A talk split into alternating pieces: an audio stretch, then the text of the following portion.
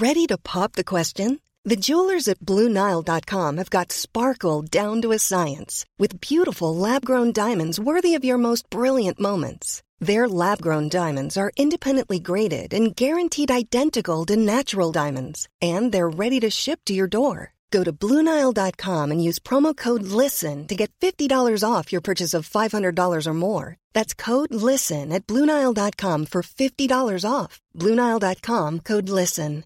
Imagine the softest sheets you've ever felt. Now imagine them getting even softer over time. That's what you'll feel with Bowl and Branch's organic cotton sheets. In a recent customer survey, 96% replied that Bowl and Branch sheets get softer with every wash. Start getting your best night's sleep in these sheets that get softer and softer for years to come. Try their sheets with a 30-night guarantee. Plus, get 15% off your first order at bowlandbranch.com. Code BUTTERY. Exclusions apply. See site for details.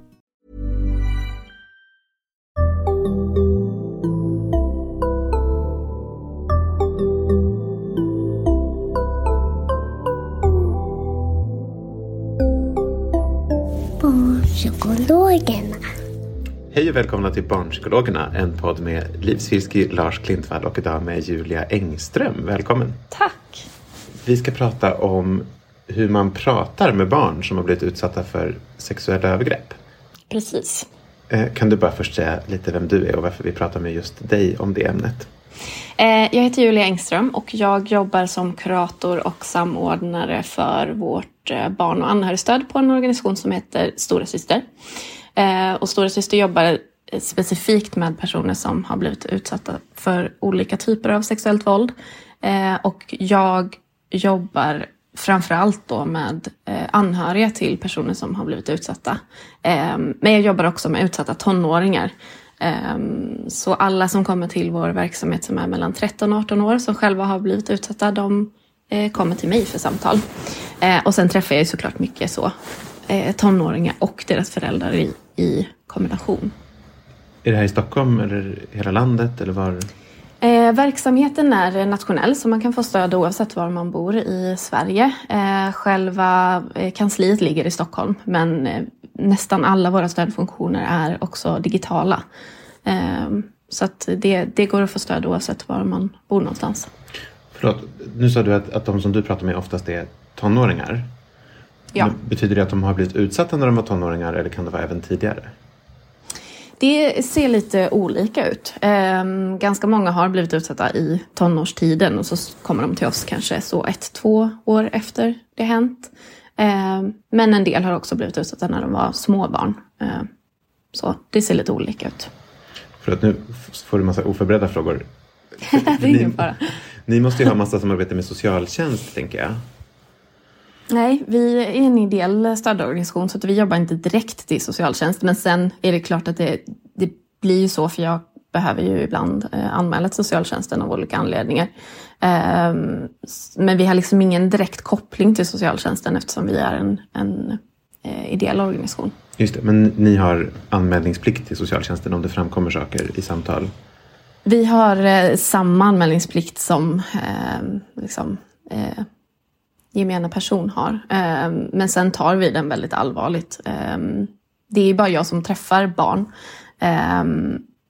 Så det, vi, vi, gör ju SOS-anmälningar såklart. Men det ska också läggas till att ganska många av dem som jag träffar har Eh, där är liksom föräldern inblandad på olika sätt och där träffar jag också föräldern. Ibland gör vi en SOS-anmälan tillsammans om det är så att eh, föräldern behöver mer stöd och hjälp än vad jag kan ge. Ganska ofta har de redan kontakt med BUP till exempel eller eh, sådär. Ehm. Eh, eller har redan kontakt med socialtjänsten, att det liksom redan finns en kontakt där. Så det ser lite olika ut men, eh, men jag har ju liksom en, en, ehm, ett ansvar att, eh, att anmäla om jag ser något som är oroande. Mm. Men om man tänker att de som lyssnar på det här är- kommer ju inte vara, tror vi i alla fall, tonåringarna utan snarare till exempel förälder Mm. eller någon professionell som kommer i kontakt med ett barn. Ehm, va- vad tänker du liksom, om, om, om det inte är att barnet säger jag blivit utsatt för sexuellt våld utan att man själv börjar misstänka det. Mm. Vad, tycker du att det finns för tecken som man ska leta efter? Det som jag tänker är kanske viktigast att känna till är ju tyvärr att eh, tonåringar väldigt sällan berättar själva. Eh, och framförallt berättar de ganska sällan själva direkt. Det, det är liksom den erfarenheten vi har. Eh, och det behöver inte nödvändigtvis hänga ihop med att man har en dålig relation till sitt barn eller inte liksom eh, inte har en relation där man kan prata om saker. Eh, utan ofta beror det på att det helt enkelt är svårt som utsatt att förstå vad man har varit med om. Eh, det är liksom, så ser det ut oavsett om man är 12 eller om man är 35. Det är, det är svårt att, att processa eh, att man har blivit utsatt. Eh, och sen hänger det också ihop med att det ofta känns ganska pinsamt att prata om. Eh, så, så det vill jag bara så slänga ut så att man inte tänker att mitt barn har inte berättat för mig och därför har vi en jättedålig relation eller mitt barn litar inte på mig eller sådär. För det är inte alls säkert att det är så. Eh, det som jag tänker generellt är bra att hålla utkik efter är ju det som man liksom säger allmänt så om barn som mår dåligt. När barn Eh, förändrar sitt beteende, eh, sitt, eh, liksom, eh, sitt sätt att hantera saker eller sitt sätt att känna känslor, att känslorna blir väldigt, väldigt stora väldigt snabbt eller Eh, att barnet känns eh, otryggt, ostabilt på ett sätt som det inte har varit tidigare. Ehm, det är ganska vanligt att barn som har blivit utsatta drar sig undan.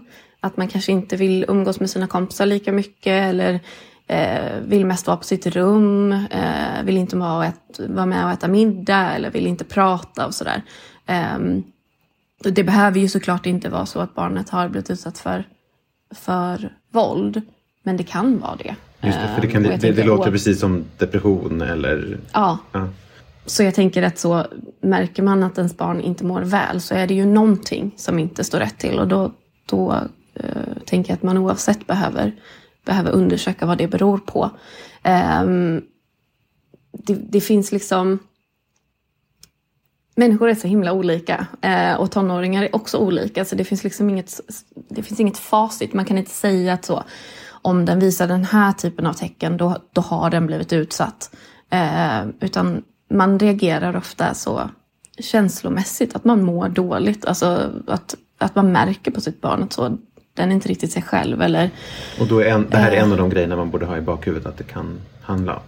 Ja, det tycker jag absolut. Eh, det, att vara tonåring är ju också att vara en social varelse och det är ju i sociala sammanhang som, som övergrepp sker. Um, och vi vet ju också rent statistiskt att det är eh, relativt vanligt att, att bli utsatt i tonårstiden. Så det tänker jag absolut att man behöver ha med sig bara. Men kan du säga någonting om vad, liksom, vad du tänker är de vanligaste situationerna som, har, som de här övergreppen sker i? För jag vet inte, jag kommer från någon värld där man är färdig av att som övergrepp sker i familjen. Mm.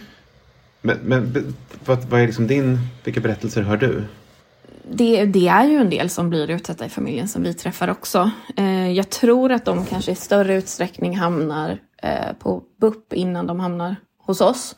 Eh, så majoriteten av de som jag träffar har blivit utsatta i relation, alltså kärleksrelation eller vänskapsrelation. Det är det absolut vanligaste.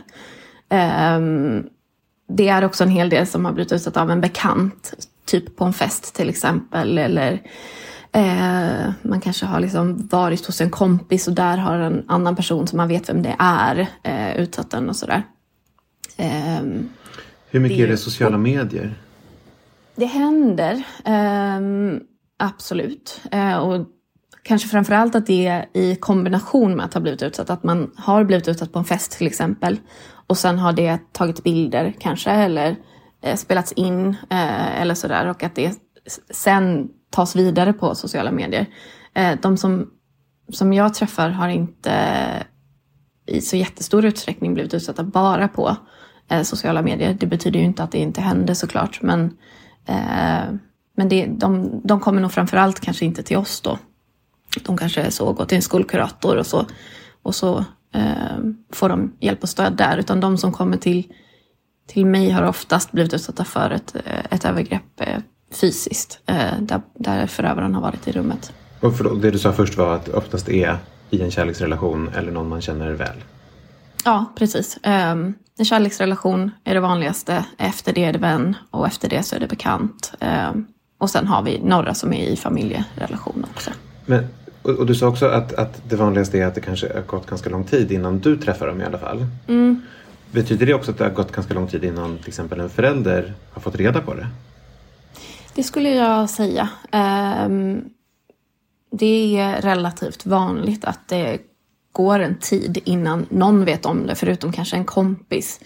Uh, det är ganska vanligt att den första de berättar för är deras vän. Uh, vilket ju inte är konstigt. Det är oftast den de står närmast och det är den man, man pratar med först.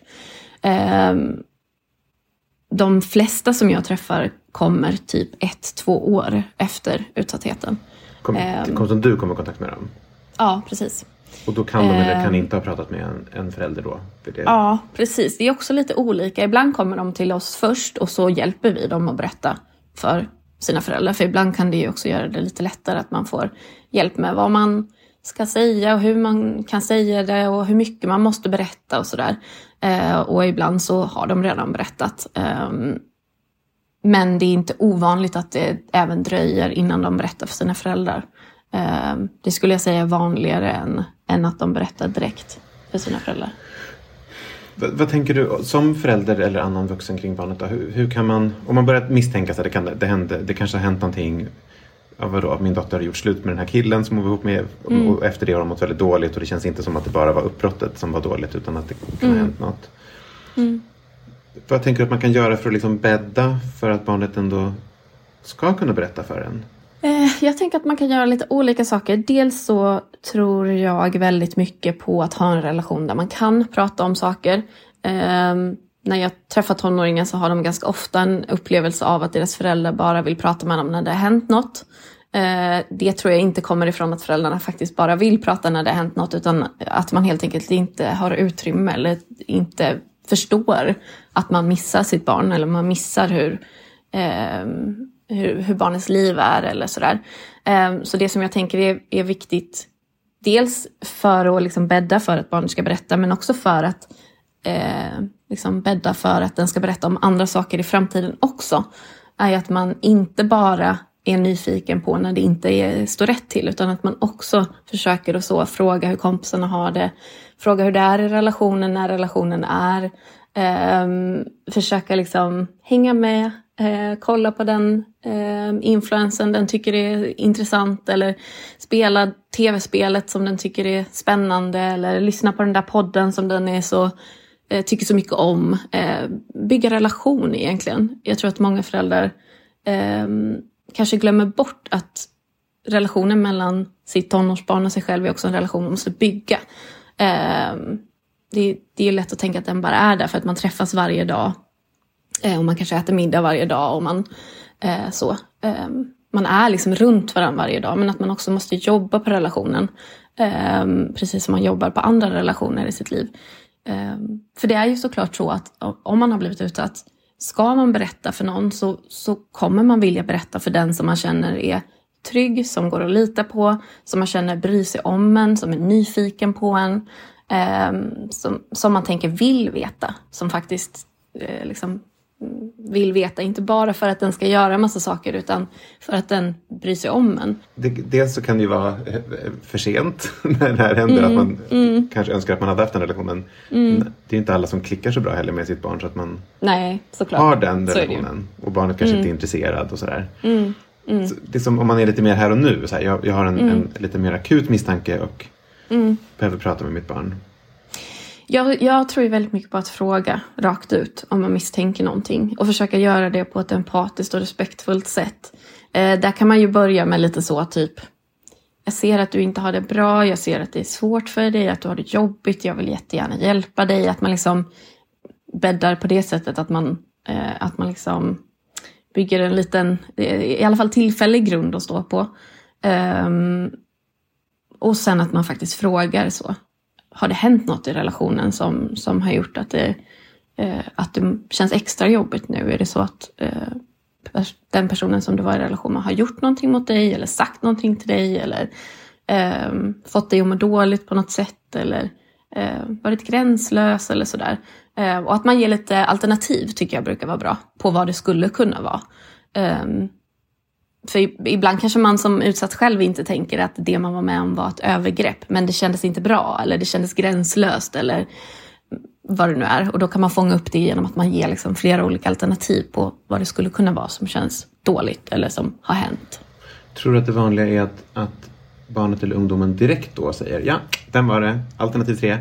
Eller är det mer att eh, man har slängt upp det på bordet och sen så kommer ungdomen en vecka senare mm. när, när det finns någon sorts tillfälle där man kan prata lite lugn och ro och då säger den där grejen vi pratade om mm. förra veckan. Är det, mm. är det liksom ett vanligt scenario? Eh, det är det absolut. Eh, ibland kanske man behöver fråga det många gånger vid flera olika tillfällen eller liksom påminna barnet om att man gärna vill veta och man gärna vill lyssna och eh, att, man, att man är intresserad och vill hjälpa till. Ehm, jag skulle säga att det är relativt ovanligt att, eh, Eh, att eh, tonåringen på en gång svarar eh, vad som har hänt. Eh, och det kan man bara relatera tillbaka till sig själv. Att så, får man en fråga som kanske ställer en lite, man kanske inte har förstått att den personen har sett att det är något fel eller sådär, så, så behöver man oftast lite tid att tänka och känna efter och eh, processa lite grann. Eh, det som jag verkligen tänker att man ska undvika sådana situationer som jag också vet att man väldigt lätt hamnar i, för man blir ju som förälder jätteorolig såklart och rädd. Eh, och ibland panikslagen. Jag pratar med ganska många föräldrar som har liksom panik över att de misstänker att det är något på gång men inte får, liksom, få fatt i det. Det som jag tänker att är så viktigt att man påminner sig själv om är att tjata funkar inte. Att tjata fram eh, att barnet ska berätta kommer inte funka och det kommer framför allt inte att hjälpa i relation som kommer vara så viktig i barnets bearbetningsprocess sen. Um, så jag tänker, ställ frågan, bygg liksom förtroende, visa att du går och litar på att du vill hjälpa till, att du är intresserad av hur hur barnet har det, hur det mår. Men, eh, och sen besök inte... det igen. Ja precis, men okej så tjata menar du att i en, i en viss en viss stund ska man inte ställa frågan tio gånger. Utan Nej, man kan fråga en gång och sen släppa det. Eller, ja precis, eller säga saker som att så, du måste berätta för mig eller eh, jag måste veta och sånt där. Det är lätt att man hamnar i det för att man blir stressad och rädd. Eh, och det tänker jag att man ska försöka undvika. Eh, för faktum är ju att barnet inte måste berätta för någon. Eh, så det är också inte det, det, är inte, det brukar inte funka så bra i min erfarenhet. Utan fråga och sen besök det igen vid ett annat tillfälle. Eh, så, att, så att tonåringen får en chans att eh, processa lite emellan. This is Paige, the co-host of Giggly Squad, and I want to tell you about a company that I've been loving, Olive and June. Olive and June gives you everything that you need for a salon quality manicure in one box. And if you break it down, it really comes out to $2 a manicure, which is absolutely insane. It's also so easy to get salon worthy nails at home with Olive and June. The difference between how your nails used to look when you did them yourself and now with the Manny system is a complete game changer. The best thing about Olive and June too is it's a quick dry, dries in about one minute, lasts for five days, and full coverage in up to one to two coats. Visit oliveandjune.com slash perfect Manny 20 for 20% off your first system. That's oliveandjune.com slash perfect Manny 20 for 20% off your first system.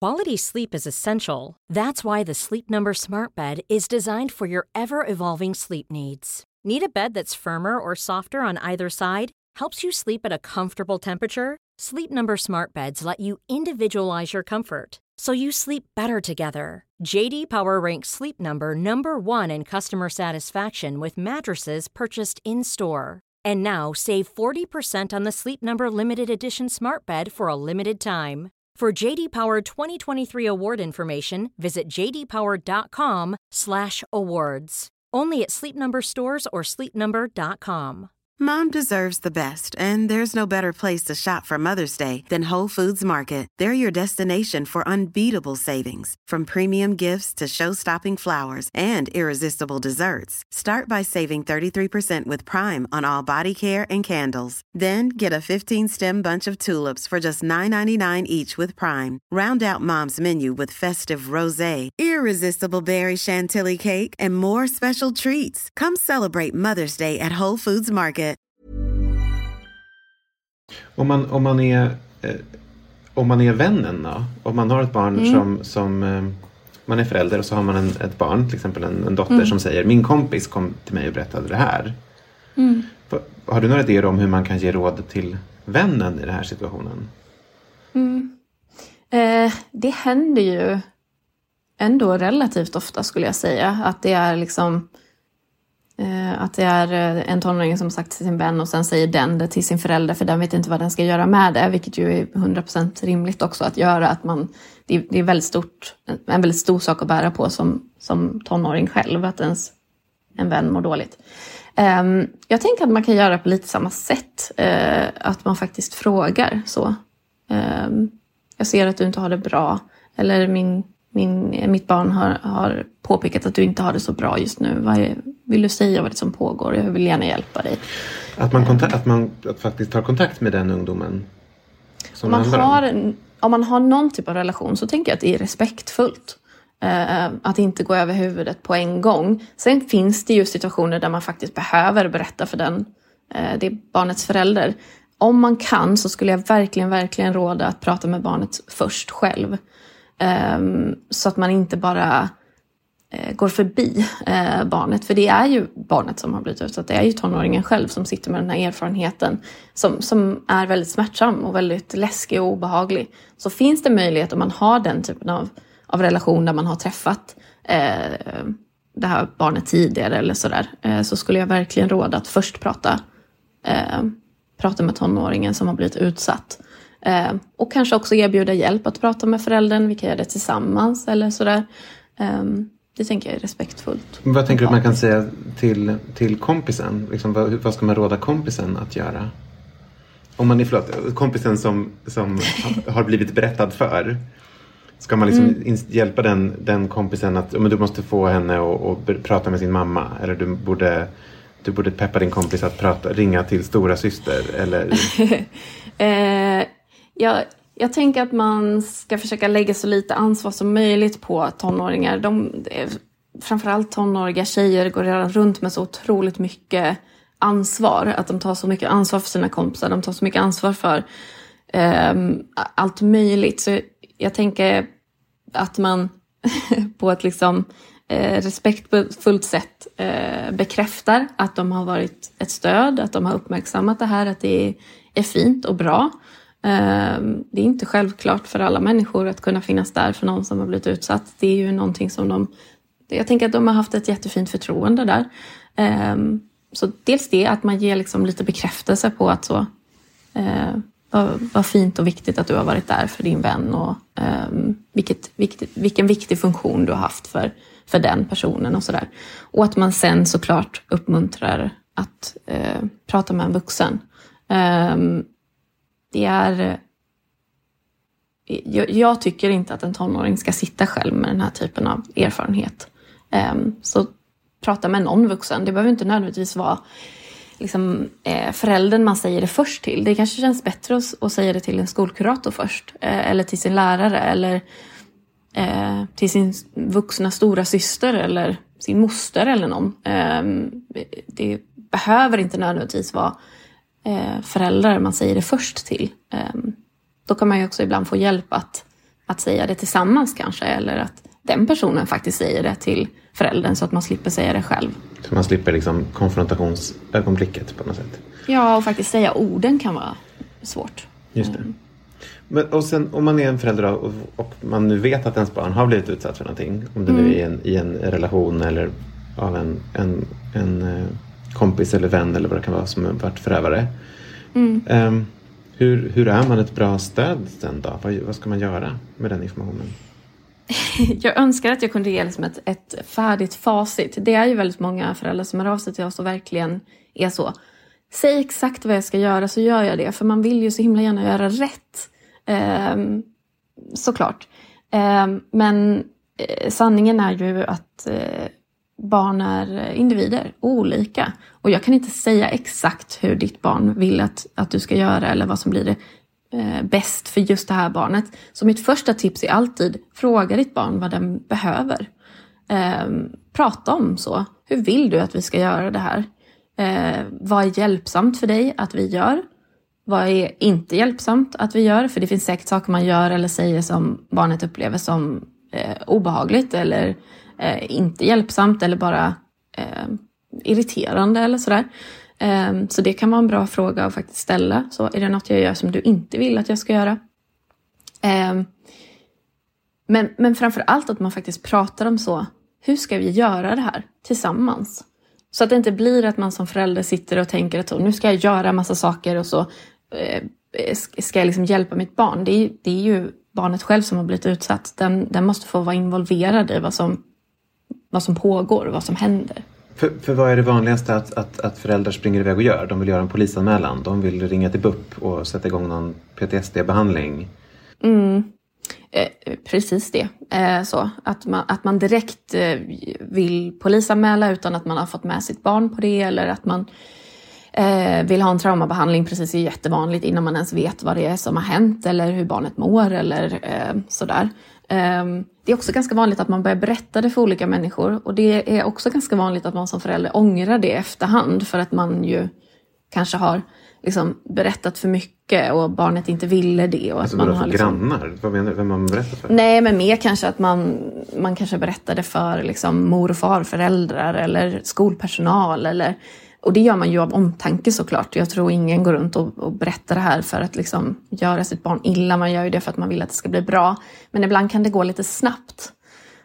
Um, så det som jag tänker att man kan ha med sig är att så länge ditt barn är tryggt i stunden och inte blir utsatt just nu så kan man också ta det lite lugnt. Man kan stanna upp, man hinner tänka efter, man hinner prata med sitt barn. Eh, man måste inte göra allting på en gång. Så länge ditt barn inte blir utsatt så har du tid. Eh, så lugna ner lite eh, i den mån det går. Så. För det måste ju förekomma att ett barn berättar för sin förälder och sen ballar föräldern ur för att man tycker att det är så mm. jobbigt. Mm. Um, och liksom att det skrämmer iväg ungdomen, tänker jag. Eller hur? Att man liksom, åh, oh, det där var ett misstag. Ja, jag, jag, skulle, inte, jag skulle ja. aldrig snackat med min pappa för nu har han dragit iväg. Ja. Hur kan man hämta tillbaka det där sen ändå? Tänker du? Det, det tror jag att man kan. Eh, jag vill också bara bekräfta att det är väldigt vanligt att det är så. Att man reagerar liksom eh, så himla starkt som förälder för att man känner så himla mycket kring det som har hänt. Eh, och så blir det inte bra för, för barnet. Eh, så att den känner sig skrämd eller, eh, eller bara överkörd eller sådär. Det är relativt vanligt. Jag tror absolut att man kan hämta hem det igen. Och jag tror att man ibland behöver påminna sig själv om att ens barn är en person. Alltså så som man kanske hade gjort med en vän. Om man hade gjort något dumt med en vän eller en partner så hade man antagligen bett om ursäkt. Um, så det tänker jag är så himla viktigt att man faktiskt ser vad man har gjort Eh, att man förstår att så, okej, okay, det här blev inget bra. Jag hanterade inte det här bra. Säg det till ditt barn. Säg det. Att så, jag hanterade det här inget bra. Jag blev så himla rädd och stressad och fick panik. Och sen reagerade jag alldeles för starkt. Jag förstår det. Jag ser det. Eh, och jag vill jättegärna få liksom en chans till att göra det bättre den här gången. Eh, de flesta barn förstår det. Eh, men de behöver oftast en ursäkt och de behöver att föräldern tar ansvar för att det blev fel. Eh, att det inte har med dem att göra, att de inte gjorde något eller sa något tokigt eller liksom så. Det brukar, det brukar oftast uh, vara en viktig del i det, att föräldern faktiskt tar ansvar för det blev inget bra och ber om ursäkt och sen kan man ta om igen och kanske ha det där samtalet som vi pratade om uh, precis, att man faktiskt är så okej. Okay, vad vill du att vi ska göra? Vad, vad, vad tycker du känns viktigt i den här situationen? Um, och så pratar man utifrån det. Men jag gissar att min erfarenhet av tonåringar är att de inte är, behöver vara helt konsistenta heller utan att det kan vara att de ena stunden vill prata och i nästa stund absolut inte vill utan liksom mm. vill, jag antar vill tänka på annat eller liksom mm. Eller är det... Gud ja. Gud ja. Ja, gud ja. Eh, det tror jag att alla som har tonåringar eller eh, jobbar med tonåringar känner igen sig Att det kan gå ganska snabbt. Um, det ska också sägas att så är det ju också för vuxna som blir utsatta. Att man kanske ena stunden känner att man behöver prata om det och andra stunden känner nej nu kan jag absolut inte prata om det. Eh, det är liksom en vanlig, eh, vad ska man säga, en vanlig reaktion att ha efter man har blivit utsatt generellt. Ehm, så det, det hänger ihop såklart med att de är tonåringar men det hänger också ihop med att de har blivit utsatta för just våld.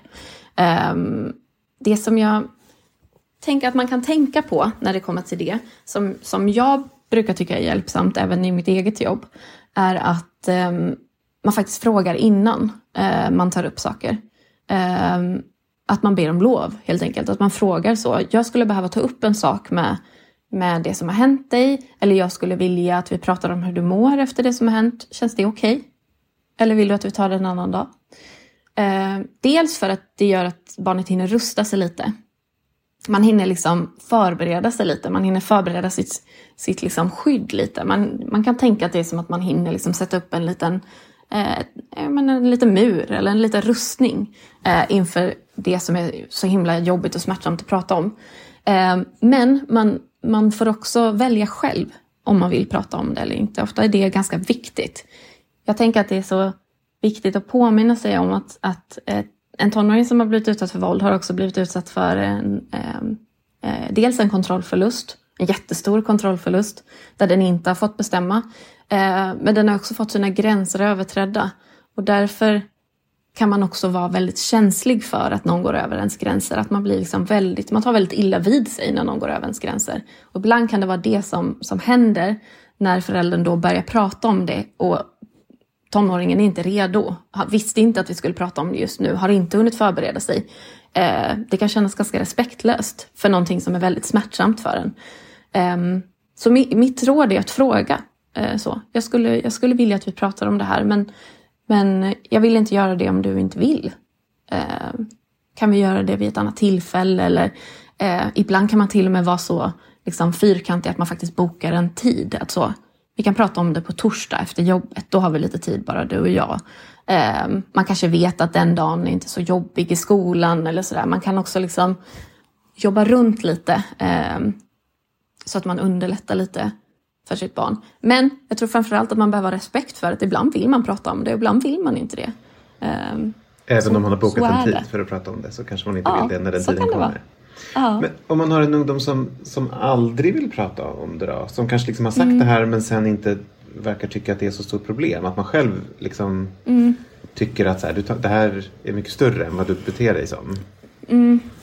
Det händer ju också ibland.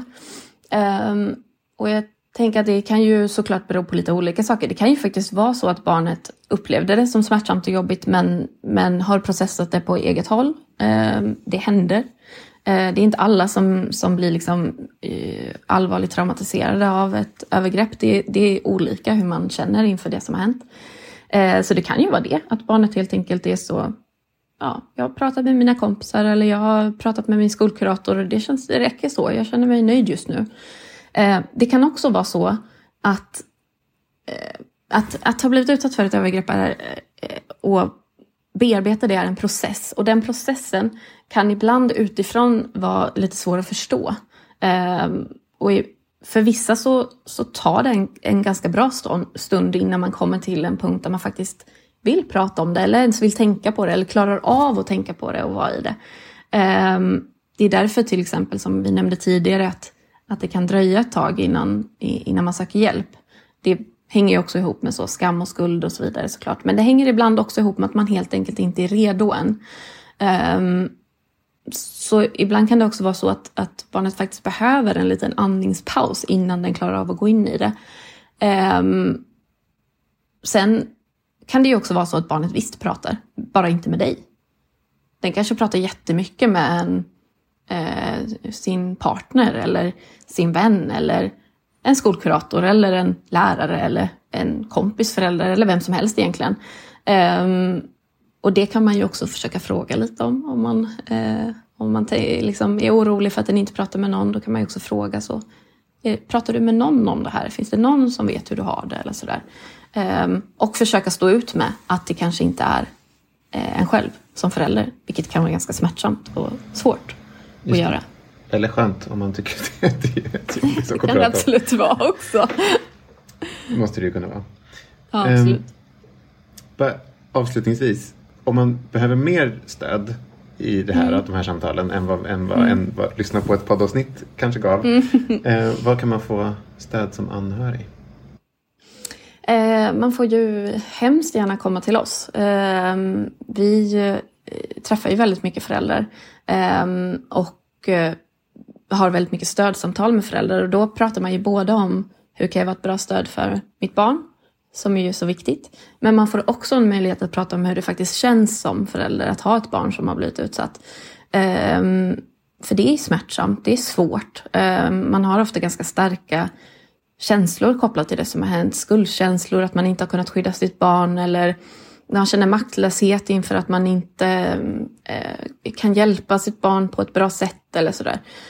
Um, så jag skulle verkligen, verkligen vilja uppmuntra att faktiskt ta hjälp. Det finns hjälp uh, och många upplever det som, som ganska skönt att få prata fritt någonstans där, där det, man kan säga vad som helst. Uh, så. Um, och då är det anhörigstöd hos er på Stora Syster? Ja, precis. Ja. Du nämnde innan vi spelade in också det här um, föräldramaterialet som ni har skrivit. Ja. Ja, precis. Vi har precis eh, släppt ett föräldramaterial som man kan eh, gå in på vår hemsida och ladda ner som en pdf. Eh, och där finns eh, mycket av det som vi har pratat om idag såklart. Eh, så om det var någonting som man kanske inte riktigt hängde med i eller var mer nyfiken på så, så finns det mer information i det materialet.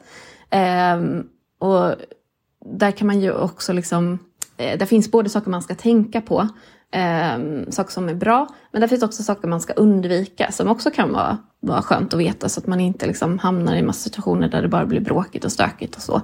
Eh, så det får man jättegärna gå in och kika på om man vill. Eh, och man kan som sagt ladda ner det också om man vill skriva ut det eller så. Mm.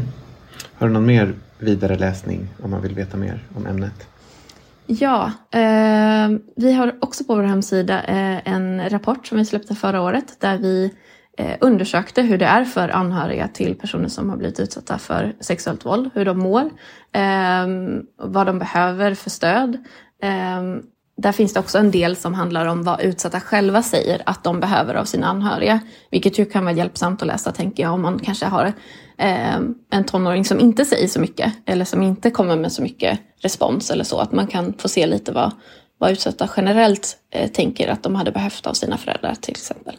Ehm, så den finns också på vår hemsida. Den heter Stora systerrapporten 2022. Superbra. Tack Julia.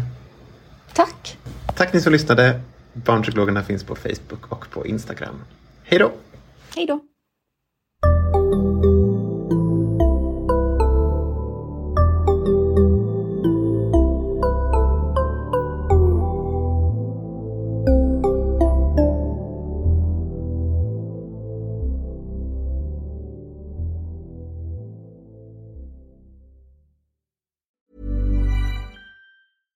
Flexibility is great. That's why there's yoga. Flexibility for your insurance coverage is great too. That's why there's United Healthcare Insurance Plans.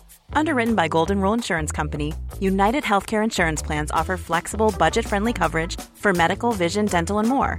One of these plans may be right for you if you're, say, between jobs, coming off your parents' plan, turning a side hustle into a full hustle, or even missed open enrollment. Want more flexibility? Find out more about United Healthcare Insurance Plans at uh1.com. Planning for your next trip? Elevate your travel style with Quince. Quince has all the jet setting essentials you'll want for your next getaway, like European linen, premium luggage options, buttery soft Italian leather bags, and so much more. And is all priced at 50 to 80% less than similar brands. Plus, Quince only works with factories that use safe and ethical manufacturing practices. Pack your bags with high-quality essentials you'll be wearing for vacations to come with Quince. Go to quince.com slash pack for free shipping and 365-day returns.